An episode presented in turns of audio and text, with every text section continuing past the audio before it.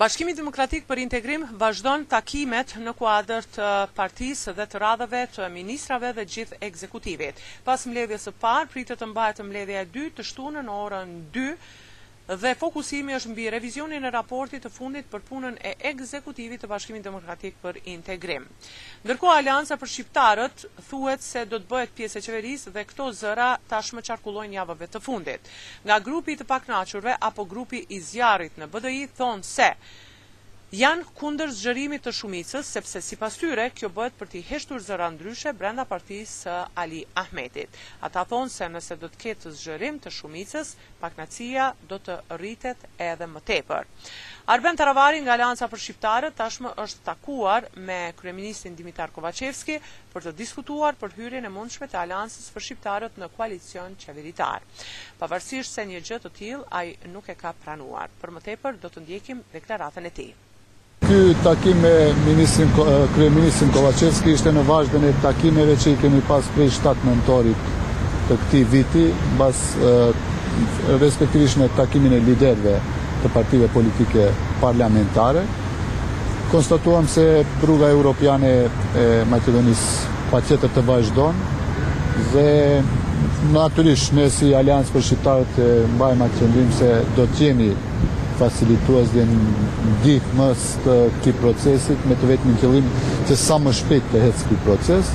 Gjithashtu e vazhdua e biseduam edhe luftën kundër korrupsionin dhe korrupsionit dhe funksionimin e shtetit të së drejtës e cila fatkeqësisht është gati se e falimentume në Maqedoni. Gjithashtu biseduam edhe për ligjet të cilët janë të bllokuara në Parlamentin e Republikës së Maqedonisë së Veriut dhe ne si Aleancë për Shqiptarët gjithnjë kemi ndihmuar që ligjet të cilët bllokohen me qëllim e të cilët kryesisht janë për them kështu ligje për për t'u afruar Maqedonia në Bashkësinë Evropiane. Për hir të qytetarëve dhe shoqërisë në përgjithësi do të vazhdojmë t'i përkrahim. Patët ofertë për hyrje në qeveri? Tash për tash nuk biseduam konkretisht për hyrje në qeveri, po në të ardhmen në qoftë se ka diçka serioze dhe diçka në qoftë se fillojmë të negociojmë, mediumet do të jenë të informuar në kohë, domethënë do të jemi transparent këtë drejtim. Hristijan Mickoski nga VMRO-DPMNE thotë se negociatat e Aleancës për hyrje në qeveri janë sekret publik dhe se për të flitet javë të tëra. Ai shtoi se çdo parti politike ka vendimmarrje autonome dhe autoktone. Nëse më kërkoni mendimin tim për hyrjen eventuale të Aleancës për Shqiptarët në qeveri, do të thotë një devijim i plotë politik, sepse ata kanë dhënë teza se kjo qeveri është duke punuar gabim, se ka faj që shumë shqiptarë janë larguar nga vendi, se kjo qeveri është kriminale dhe e korruptuar dhe nuk ekziston. Dhe tani hyrja e Aleancës në qeveri do të thotë legjitimim i atyre politikave, pranim se kanë gënjyer, domethënë se nuk e kanë thënë të vërtetën dhe e vetmja gjë që u intereson është të rrëmbejnë një lloj zyre dhe karrike, ka thënë Hristijan Mickoski.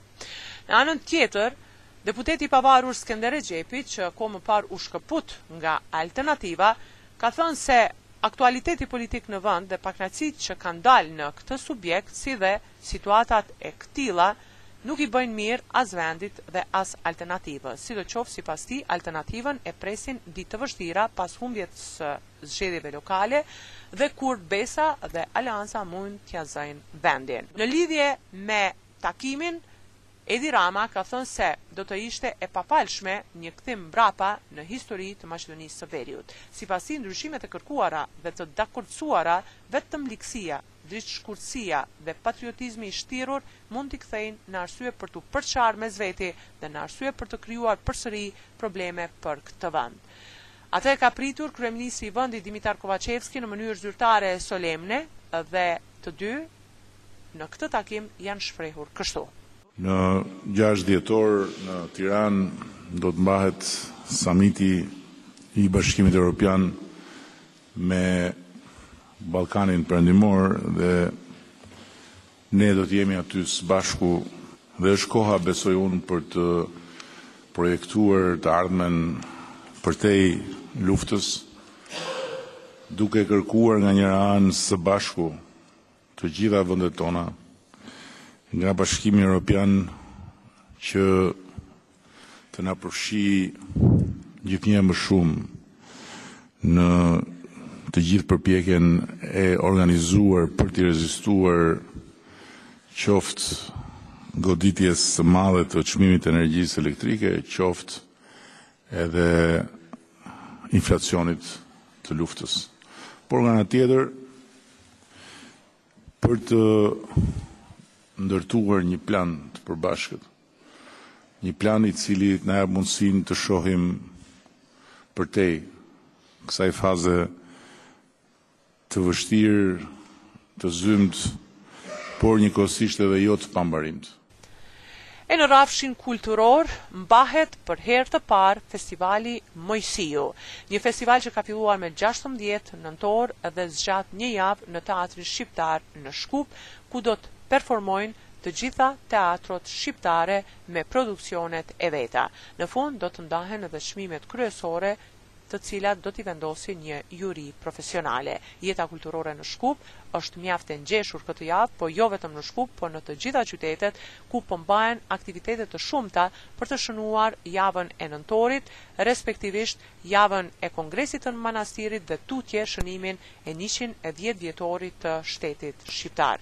Instituti për Trashëgimi Kulturore Shpirtërore të Shqiptarëve të Maqedonisë ka mbajtur disa konferenca, Universiteti i Tetovës po ashtu Kongresin e parë të Shkencave Sociale dhe Arteve, ndërkaq kulminacioni arrihet në dy datat, njëzet e dy nëntor, kur Ansambli Shtetëror Shqiptar do të mbajë koncert të madh në Qendrën për Kulturë në Manastir, ndërkaq me njëzet e tetë nëntor, Ansambli Shqiptar po ashtu do të mbajë koncertin e madh me njëqind e dhjetë artistë si simbolikë për njëqind e dhjetë vjetorin e shtetit shqiptar në Teatrin e Operës dhe Baletit në Shkup.